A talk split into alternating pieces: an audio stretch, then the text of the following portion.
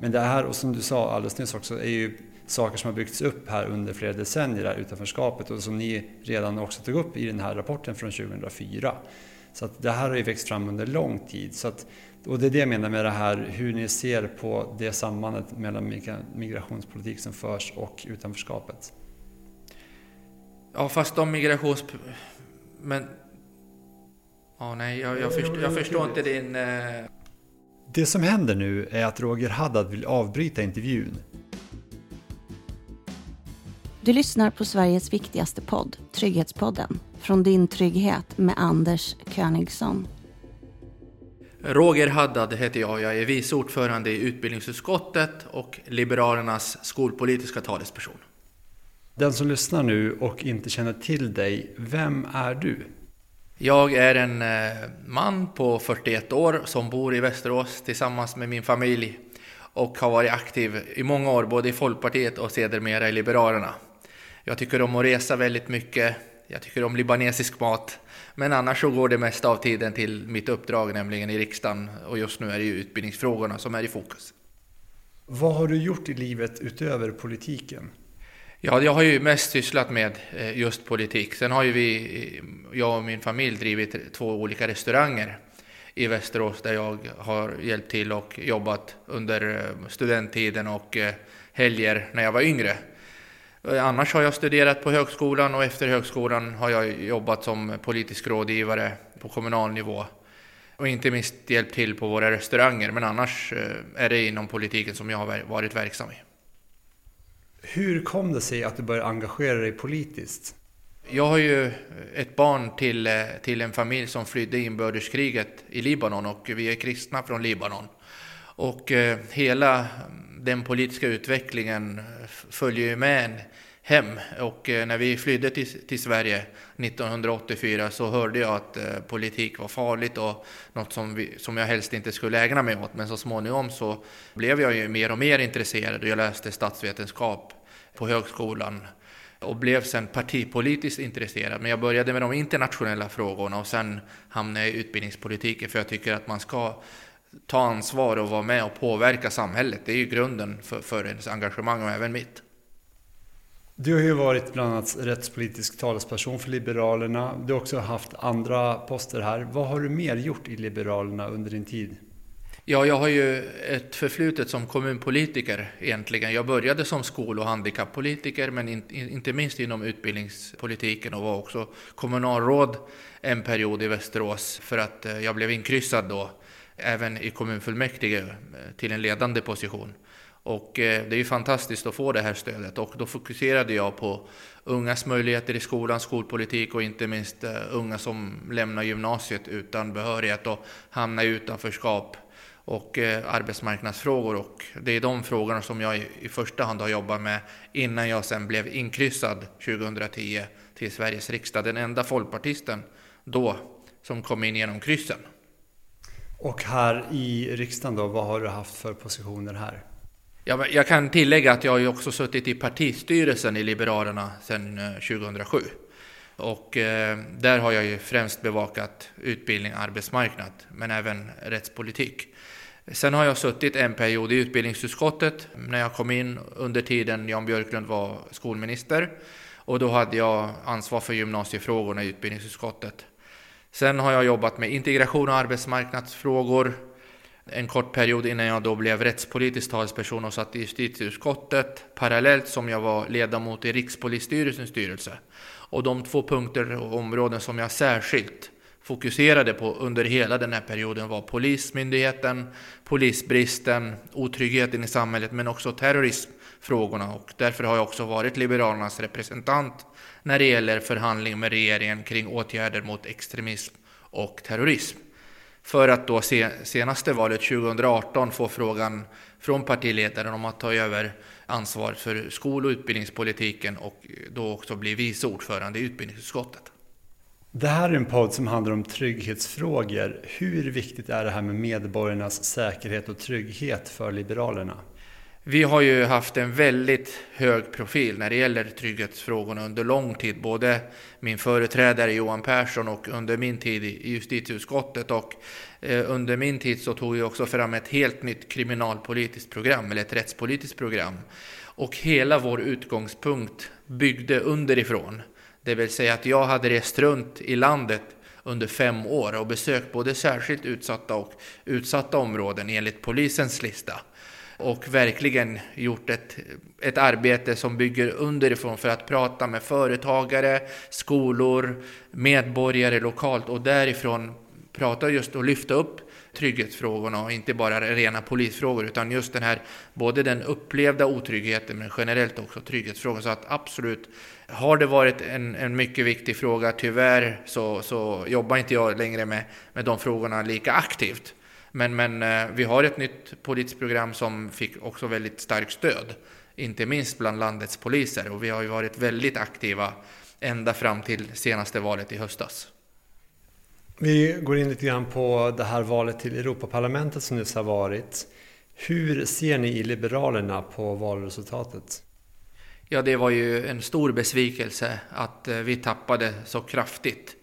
Och eh, jag tror inte att det hade spelat någon roll riktigt just kring vilken av de här 173 punkterna eller vad vi nu hade i vårt omfattande program. Utan jag tror att det har varit en allmän negativ bild kring vårt parti sedan regeringsförhandlingarna i höstas och att vi är i en, i en period utan tydligt så att säga, ledarskap i partiet eftersom vi också är i begrepp just nu att utse en ny partiledare. Eh, kombinerat med att många kanske inte uppskattade våran alltför positiva EU-politik eftersom vi är, vi ska och vi är det mest positiva partiet som, som vill förstärka och utveckla det europeiska samarbetet och även där kan vi eh, också visa på en lång rad förslag när det gäller eh, säkerhet och eh, arbetet mot brottslighet. Men eh, vi kom inte riktigt ut i de frågorna och eh, en del av, av de frågorna som vi drev uppskattades helt enkelt inte, tror jag, av, av allmänheten. Men vi behöll ett mandat och det är vi tacksamma för. Ja, ni behöll ett mandat men ni tappade ett och ni fick 4,1 procent i valet jämfört med 9,9 procent förra valet. Hur känns det?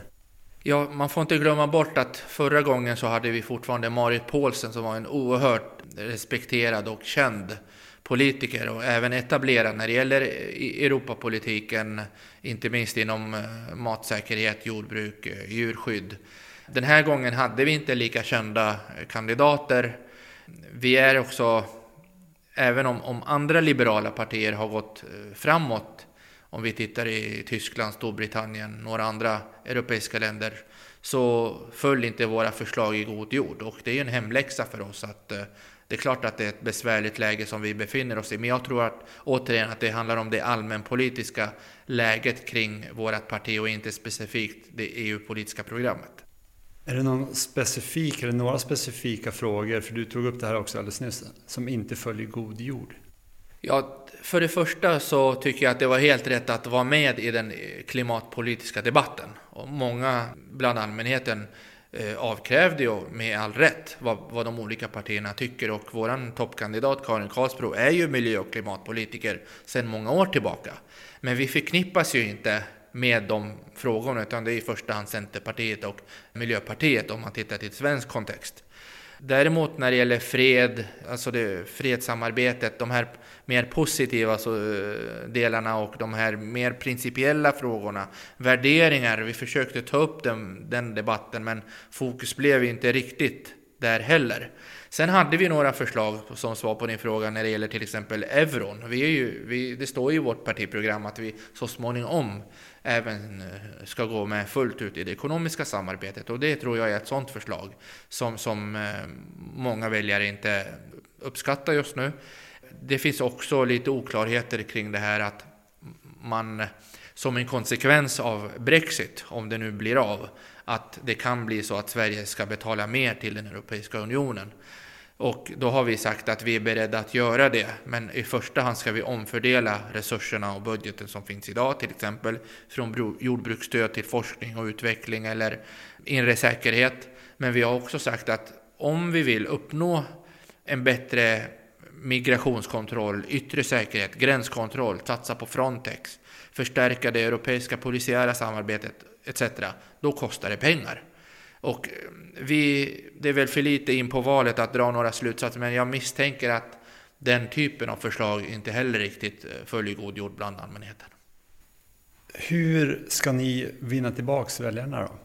Ja, det är ett generellt uppdrag för oss, inte bara i Europaparlamentsvalet utan även inför det kommande allmänna valet att vi jag tycker ändå att vi ska försöka, nu har ju vi slutit ett avtal med regeringen inom ett antal begränsade områden, politikområden. Vi har ju till exempel ingenting om rättspolitiken egentligen, mer än på någon enstaka punkt och definitivt inte när det gäller försvarspolitik eller utrikes och säkerhetspolitik. Men vi har ju inom ett antal områden och då gäller det att eh, stå upp för det här avtalet som vi trots allt har ingått.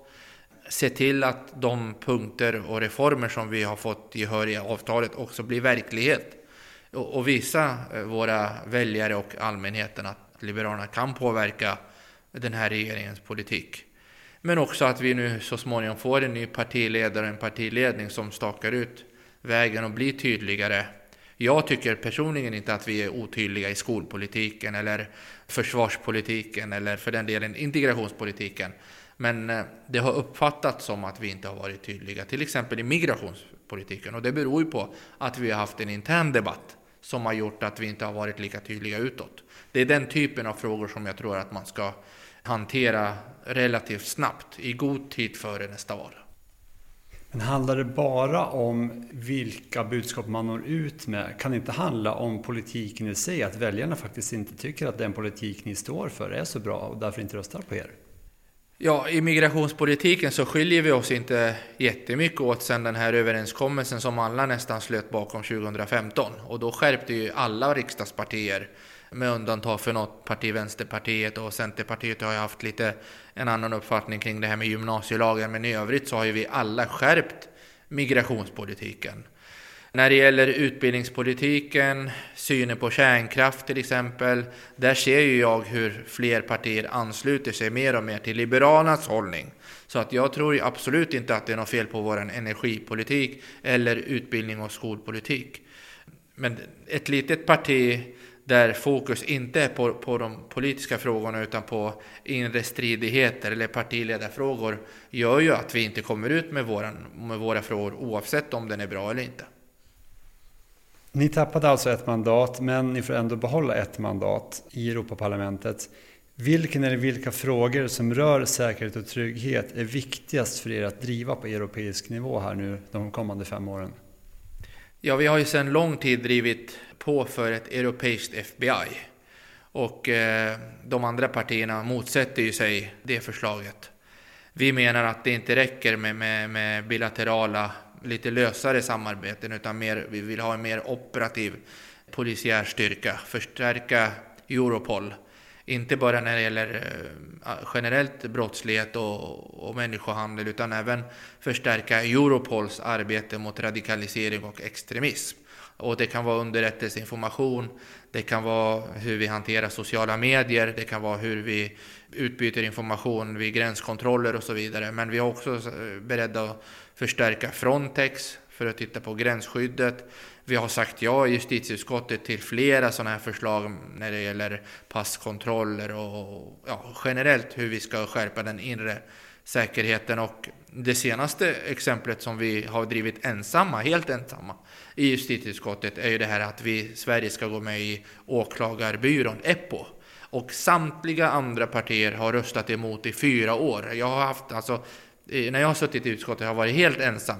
För att nu bara två månader före valet så svänger helt plötsligt Socialdemokraterna och Moderaterna. Så att vi har verkligen legat före i flera av de här frågorna när det gäller den europeiska nivån i alla fall. Både när det gäller gränsöverskridande brottslighet, inre säkerhet men också arbetet mot terrorism. När jag träffade Andreas Karlsson från Kristdemokraterna lät det som att de också skulle kunna vara öppna för det här med Apple. Vad säger du om det i så fall? Ja, det är en stor besvikelse att KD och alla andra partier har röstat emot Liberalernas förslag i den här linjen och vi har haft flera utfrågningar av statsråd där i första hand S och M har gått ihop och varit övertydliga med att det här är absolut inte aktuellt för, för svensk eh, del och det har ju vi kritiserat. Och vi välkomnar naturligtvis att, att de andra börjar överväga eller ansluta sig till, till eh, den linje som Liberalerna har drivit under många år. Om vi går tillbaka lite grann det här med ett europeiskt FBI. Det är en jättestor fråga såklart, men lite kort. Varför behövs det och vad kan de göra som internationell polis och det samarbete som finns idag kan göra? Vi kan ta vilken fråga som helst egentligen. Människohandel kostar ju oerhört mycket pengar att utreda och vi har ju ytterst få som fälls när det gäller människohandel. Det kräver oerhörda resurser, utredningsresurser och inte minst spaningsresurser och vi har inte den, den kapaciteten. Men vi vet samtidigt att vi har problem. Inte det rena så att säga tiggeriet, de här som bara sitter utanför en affär och insamlar pengar, utan det kriminella som pågår under radarn, nämligen människohandel där man missbrukar personernas underlägsenhet i, i pengasyfte eller i sexuellt syfte. Och det arbetet måste ske mycket mer effektivt över hela EU eftersom vi vet att det finns grupperingar som rör sig från Bulgarien och Rumänien till till, eh, till exempel Sverige. Och då räcker det inte att vi har eh, en, en poliskår här i Sverige som ska försöka upprätthålla en bra kontroll. Och svensk polis, det vet ju du också, den är ju redan underbemannad och vi har en fortsatt eh, polisbrist. Och det här är ju inte det, det högsta prioriterade området fast det är ett allvarligt brott. Vissa politiska partier vill istället att man ska skärpa gränskontrollerna och därmed göra att det inte blir lika lätt för kriminella att resa över gränserna. Är det inte bättre att göra så i så fall då? Ja, fast de är ju ändå svaret skyldiga hur man ska kunna identifiera de här personerna. Det står inte i pannan på dem att de är brottslingar, utan vi har ju en fri rörlighet som är inskriven i stadgan i, som är så att säga en av, av, de principiella punkterna i det europeiska samarbetet. Att man får studera, man får arbeta, man får röra sig, den, den så kallade fria rörligheten inom Europeiska unionen och, och det gäller upp till tre, tre månader. I så fall ska man hitta former för hur man ska kontrollera den här tre månaders regeln och det tycker jag att man ska titta på om det är möjligt. Men det låter som om det är en kostsam byråkratisk apparat. Och så får man väga om, det, om, om vi är beredda att, att lägga de pengarna istället för att till exempel förstärka arbetet mot terrorism, se till att vi har fler poliser och så vidare. Om vi vänder blickarna tillbaks lite mer mot situationen i Sverige. Som för detta rättspolitisk talesperson och nu skolpolitisk talesperson, hur ser du på samhällsutvecklingen i Sverige? Nej, jag tycker att generellt sett så, så tycker jag att det, det är en positiv utveckling. Sverige tillhör ändå ett av de, de länder där vi har fred, eh, vi har säkerhet. Vi ser hur situationen är i, i vissa europeiska länder med, med regeringskriser av annan så att säga, karaktär än vad vi har idag. Vi ser hur situationen är i Frankrike där man har en mycket bekymmersam och social klyfta mellan de förtroendevalda, alltså regeringen och, och allmänheten med de här gula västarna. Och det, det finns inte riktigt tilliten saknas till det politiska systemet. Här, här var ju 87 procent som gick och röstade. Så att det finns en legitimitet eh, som också skapar stabilitet. Och sen har vi i och för sig haft problem att bilda en regering, men, men, men det har vi nu löst. Så att eh, jag tycker att den generella politiska utvecklingen är positiv. Sen kan man gå in och titta på arbetslösheten. Ja, den, den sjunker ju. Sen har vi fortfarande problem, till exempel att utrikesfödda kvinnor har längre etableringstid. Vi har etabler integrationsbekymmer. Vi har problem med hedersrelaterat våld och förtryck. Vi har fortfarande ett antal kritiska områden när det gäller utanförskap som går över till kriminalitet och det är oftast skjutningar och narkotika som är orsaken. Men det generella, om man tittar på utbildning, arbetsmarknad, så är det positivt. Men sen har vi naturligtvis problem som alla andra länder, inte minst när det gäller de här utanförskapsområdena. De andra partierna som har medverkat i Trygghetspodden inför valet har haft en mycket mer kritisk syn på samhällsutvecklingen och varit oroliga i olika grader. Skiljer sig er världsbild jämfört med deras tror du? Jag tror att man får blicka lite utanför Twitter och sociala medier. Att den, mycket av den politiska debatten ska inte bara påverkas eller för mycket av, av eh, sociala medier. Utan eh, i flera av de här rankningarna som, som görs internationella så ligger, kommer Sverige högst. Eh, man tittar på jämställdhet, man tittar på yttrandefrihet, organisationsförmåga och så vidare. Till och med, även om jag som skolpolitiker som följer utbildningsresultaten ser att det börjar gå åt rätt håll. Sen finns det ju andra skolpolitiska problem som jag varje dag lyfter upp, eh, där vi har skolor som underpresterar, där vi har problem med ordning och studiero, våld och hot mot lärare. Men det är de problemen jag pratar om. Vi, kan inte bara generalisera och säga att så här ser det ut överallt i hela landet, för, för det, det, är inte sant.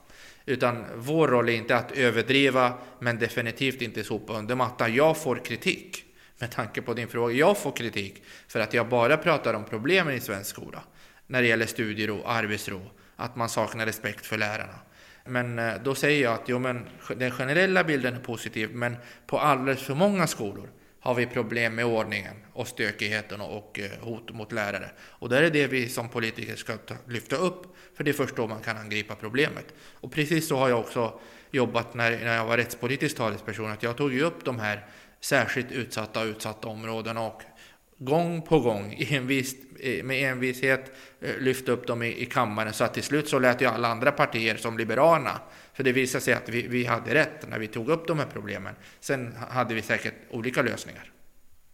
Vi kommer att komma tillbaka mer till det här med skolsituationen och tryggheten där. Men först vill jag fråga dig lite grann om det här januariavtalet som ni tillsammans med Centerpartiet, Socialdemokraterna och Miljöpartiet ingick i.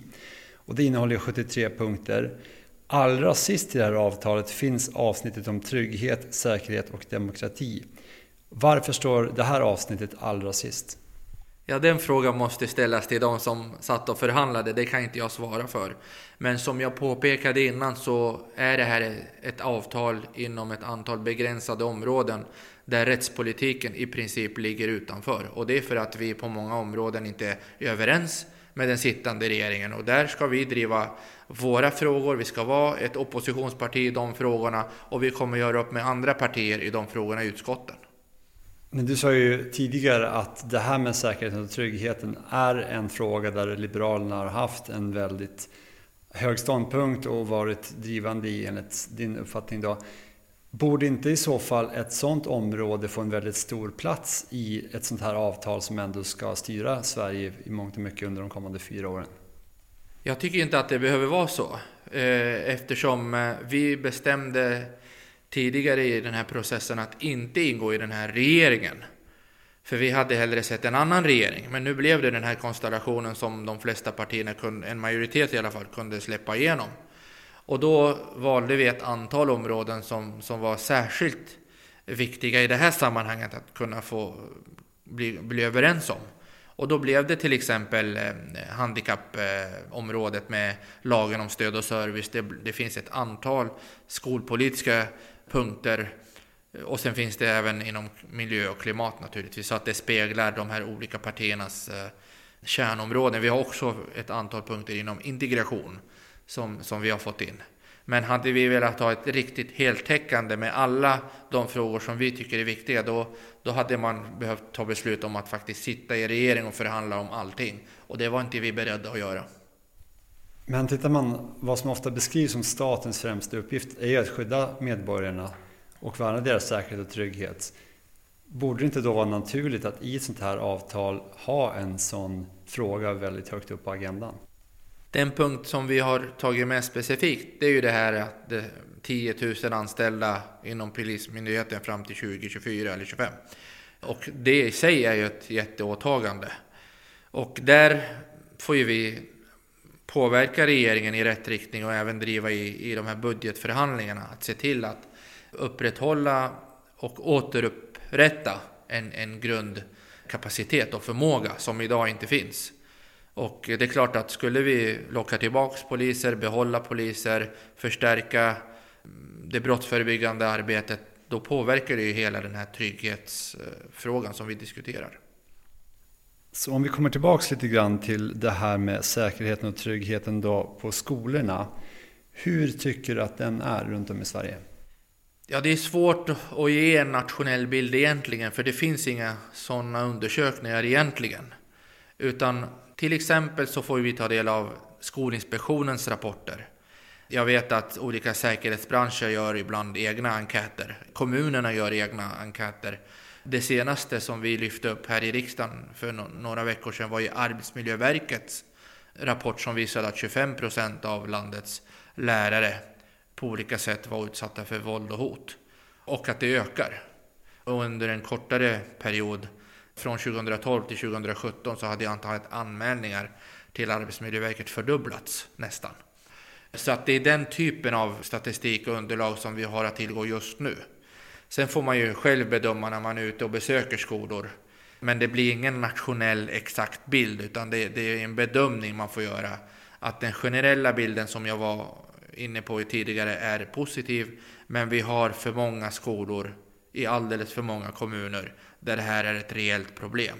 Och det måste självklart angripas.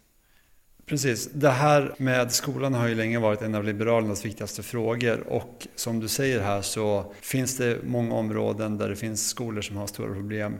Som skolpolitisk talesperson, hur ser du på den här utvecklingen med ett ökat antal anmälningar om hot och våld? Det är jätteallvarligt och det är inte acceptabelt. Och eh, det vi driver just nu när det gäller i alla fall skollagstiftningen, det är att skollagen förtydligas och skärps när det gäller lärarnas befogenheter.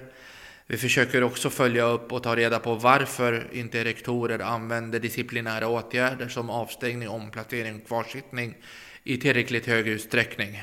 Det finns en kultur också på många skolor bland både föräldrar och elever att man får bete sig nästan lite hur som helst mot eh, lärarna. Att man ifrågasätter dem, man ifrågasätter undervisningen. Ibland har vi sett i olika domstolsärenden att det går över. Man accepterar inte ett beslut om, om betyg till exempel. Att man eh, agerar fysiskt mot en lärare eller hotar. Och det är inte acceptabelt. Det viktigaste det är så att vissa saker kan vi ändra i skollagen, men det viktigaste är att vi har en debatt och att vi uppmärksammar det här problemet för att det är en kulturfråga som måste förändras, en attitydfråga som måste förändras. Nu är inte ni en del av regeringen, men ni är ändå en del av det här avtalet och där tas just den här frågan om tryggheten och säkerheten till dels del upp i januariavtalet. Vilken påverkan på politiken och på regeringen kan ni i Liberalerna ha? Vi, I första hand så förhandlar vi om de punkter som finns i januariavtalet och det finns visserligen en, en punkt om en nationell plan för studiero och arbetsro. Men den är inte preciserad och eh, vi har inte kommit så långt än att vi har börjat diskutera just den punkten. Utan det står till exempel att det ska vara mobilfria klassrum. Vi har också lyft in att lärarnas befogenheter måste öka. Det står också en punkt om att det ska bli enklare att stänga av elever så att man minskar på byråkratin och förtydligar i skollagen att man stödjer faktiskt de vuxna för att kunna gripa in vid stökiga situationer. Men Liberalerna nöjer sig inte med de punkter som finns i januariavtalet utan parallellt så driver vi att barn och elevombudet ska avvecklas vid Statens skolinspektion. Att hela kapitlet om lärarnas befogenheter i skollagen men även det här med kränkande behandling ska förändras. För att det regelverket och inte minst tillämpningen av det regelverket har skapat en osäkerhet och en rädsla bland många lärare och vuxna i skolan så att, som gör att de avstår från att ingripa vid stök eller bråk i klassrummet eller i korridorerna. Och den signalen och effekten till landets lärarkår är ju väldigt allvarlig och bekymmersam. Och där lägger jag all mitt krut och energi just nu att det måste förändras. Flera skolor i landet har ju de senaste åren stängts för att de har varit just problemtyngda. Vad säger du om att det har gått så långt att skolor faktiskt har behövt stänga? Ja, det är viktigt att man stänger ner dåliga skolor oavsett om det gäller kunskapsresultaten eller om det är för stökigt och bråkigt. Sen exakt vad det beror på, det kan inte jag svara på utifrån din fråga. Men, men eh, det viktigaste är att återupprätta samhällets stöd till rektor och lärare. Det är rektor som leder skolan, det är lärarna som bestämmer i klassrummet och att det finns en konsekvens för de elever och ungdomar som bryter mot ordningsregler eller till exempel inte respekterar eh, lärarna. Eh, att det finns en konsekvens. Att om jag spottar ett tugg, ut ett tuggummi i klassrummet eller om jag klottrar på, på skåpen i korridoren, att det får en konsekvens. Men vi märker också i de här enkäterna att det inte alltid får en konsekvens. Och då blir det ju de här stökiga, de här bråkstakarna som helt plötsligt styr och, situationen. Och det kan vi inte acceptera.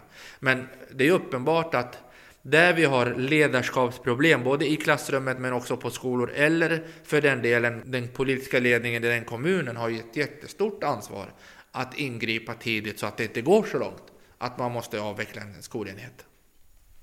Ni har ju också diskuterat fram här nu att skolan ska förstatligas. Hur kommer det påverka säkerhets och trygghetssituationen i skolan?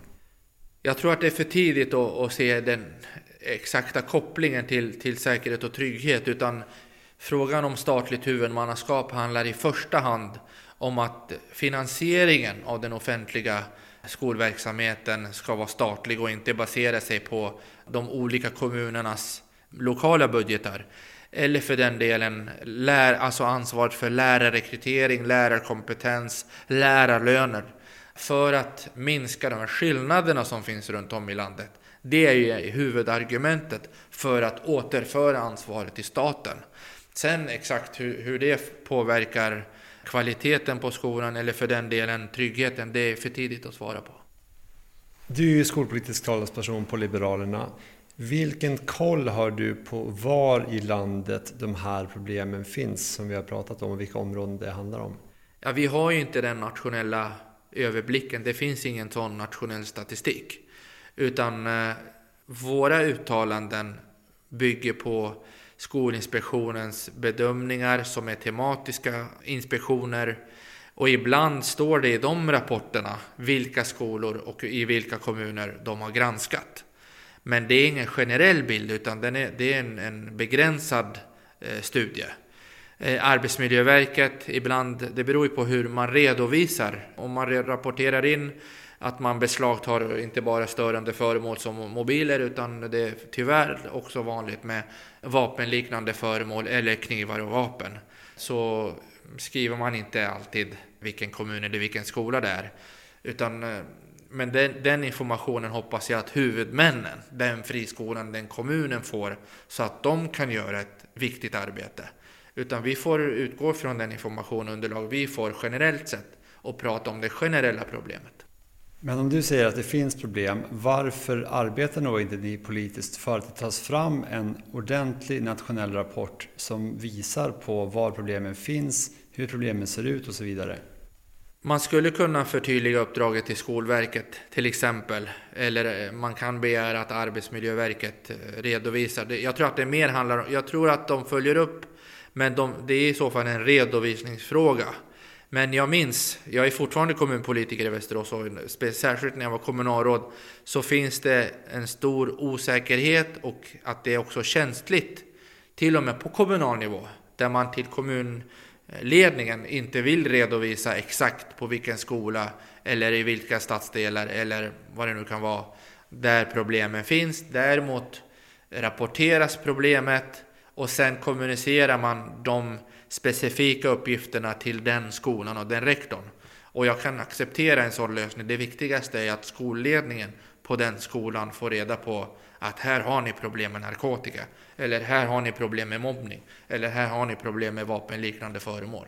Det viktigaste är inte att jag får läsa att exakt där och där är det, utan det viktigaste är att de ansvariga på den skolan får reda på det här och att de avkrävs åtgärder. Fast om man ska kunna ändå fatta beslut på riksnivå så behöver man ändå veta mer konkret hur läget ser ut. Ja, jag tycker inte det är som det ser ut just nu. Det vi, skolan är kommunaliserad.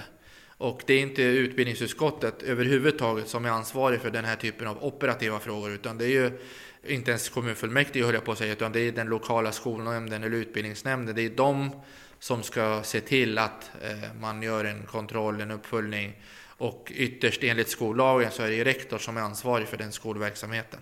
Så att idag ser jag inte att det är en uppgift för utbildningsutskottet i riksdagen.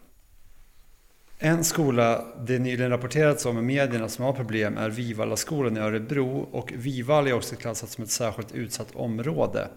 Det här är en rapport från polisens nationella operativa avdelning från 2017. Och som vi pratade lite grann om tidigare här också, just det här med utsatta områden. I den finns det 61 bostadsområden som räknas som särskilt utsatta, i riskzonen eller utsatta. Och det här är områden med hög arbetslöshet, hög kriminalitet och låga inkomster. Så för att prata vidare om det här med utanförskapsområden. Liberalerna, som då heter Folkpartiet, tog ju redan 2004 fram en rapport som ni kallade Utanförskapets karta. Redan då så pekade ni på de här problemen. Sen styrde ni landet från 2006 till 2014, men under de åtta åren och efter det så har den här negativa utvecklingen bara fortsatt. Varför då? Ja, det är polisen som eh, både tar bort kommuner och, och lägger till kommuner. Och, eh, jag är en av få politiker som har rest runt i de här områdena och har studerat de här väldigt noga och flera gånger. Och eh, det är återkommande, det är ju kommunpolitiker, det generella mönstret som jag har sett, oavsett om det har varit i Borås, eller i Eskilstuna eller i Malmö, det är att kommunpolitikerna inte har tagit ans sitt ansvar. Man har låtit eh, stadsdelar eh, förtvina. Man har, man har inte agerat. Det börjar aldrig med en handgranat eller en skjutning på en gata, utan det börjar med klotter som inte saneras, att det inte är fräscht och snyggt och prydligt ute i stadsdelarna. Det ser ut som på 70 och 80-talet fortfarande i några av de här områdena. När det är bus på skolan så tar man inte tag i det. När man går in och hotar bibliotekspersonal så tar man inte tag i det utan man anpassar öppettiderna, minskar öppettiderna och då är det de skötsamma i de här stadsdelarna som drabbas och inte buset.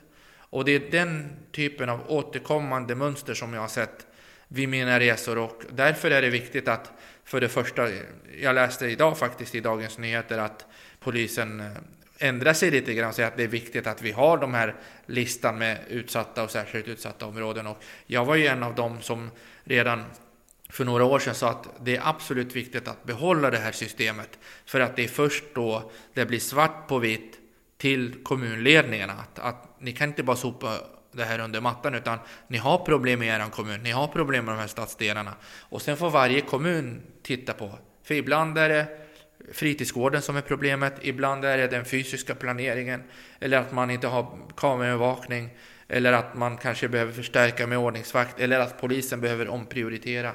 Eller just det här att återta ledarskapet i skolan så att inte de, de bråkiga så. Och, men det är när det går för långt. När, när, när butiker stänger, när, när socioekonomiskt starka familjer flyttar från områdena och eh, när eh, de kriminella stärker sin position. Det är då vi får den här utvecklingen och det är då man hamnar på den här listan.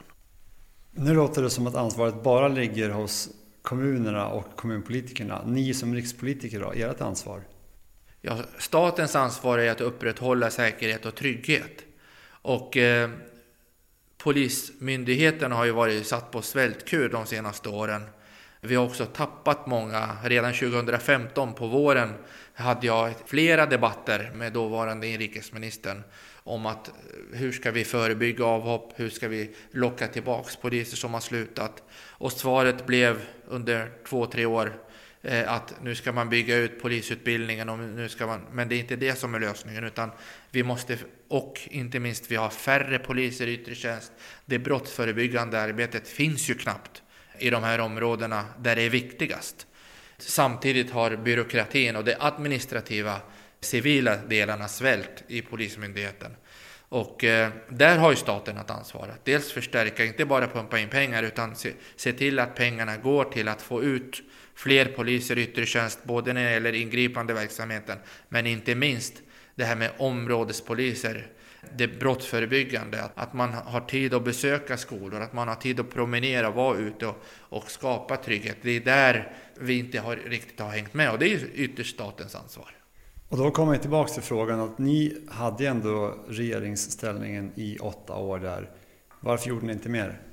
Ja, det, det är intressant att, ja, det, jag förstår inte din fråga, men just när det gäller polisen i alla fall, så fick hela rättsväsendet och även Polismyndighetens budget ökade ju varje år. Problemet är att man måste ta reda på hur pengarna används. Och det är så i svensk statsförvaltning att man överlämnar en budget till en myndighet och så är det ju rikspolischefen eller överbefälhavaren inom Försvarsmakten som sen gör bedömningar vad, vad pengarna ska gå till. Men det viktigaste, så att, att, att, bara satsa mer pengar på Polismyndigheten löser inte hela situationen. Utan finns det inget lokalt arbete. Jag har ju själv, eftersom jag har kommunalrådserfarenhet, så vet jag att 85 procent av alla de här frågorna som du ställer har ingenting med Sveriges riksdag att göra, utan det är kommunledningen, det är, det är de, vi och mina kollegor till numera, som sitter och, och det är de som styr över de kommunala resurserna, allt från fritidsgårdar, fältassistenter, socialtjänstens eh, så att säga muskler, fysisk planering, ta bort klotter. Mycket av de här som vi, sakerna som vi har varit inne på är ju kommunala frågor där staten kan gå in och stötta visserligen. Och sen när det gäller det, det brottsbekämpande, det är ju polisen, men då är det ju staten. Ett område som ändå bestäms på riksnivå, det är ju migrationspolitiken. Vad har den migrationspolitik som förs och utanförskapet för samband enligt Liberalerna? Ja, Sverige har ju haft en extraordinär situation sedan hösten 2015. Men det, det, man inte får glömma bort är att det beror på att utvecklingen i Syrien och Irak, inte minst konflikten i Syrien där eh, hundratusentals människor har flytt till, till eh, grannländerna och sen har ju några tagit sig vidare till Europa och eh, Sverige. Och, eh, men de här integrationsproblemen som, som har funnits, som vi diskuterar, de, det kan jag garantera, de är inte från 2015. Och du nämnde innan Vivalla, de har haft problem med integration och utanförskap i decennier.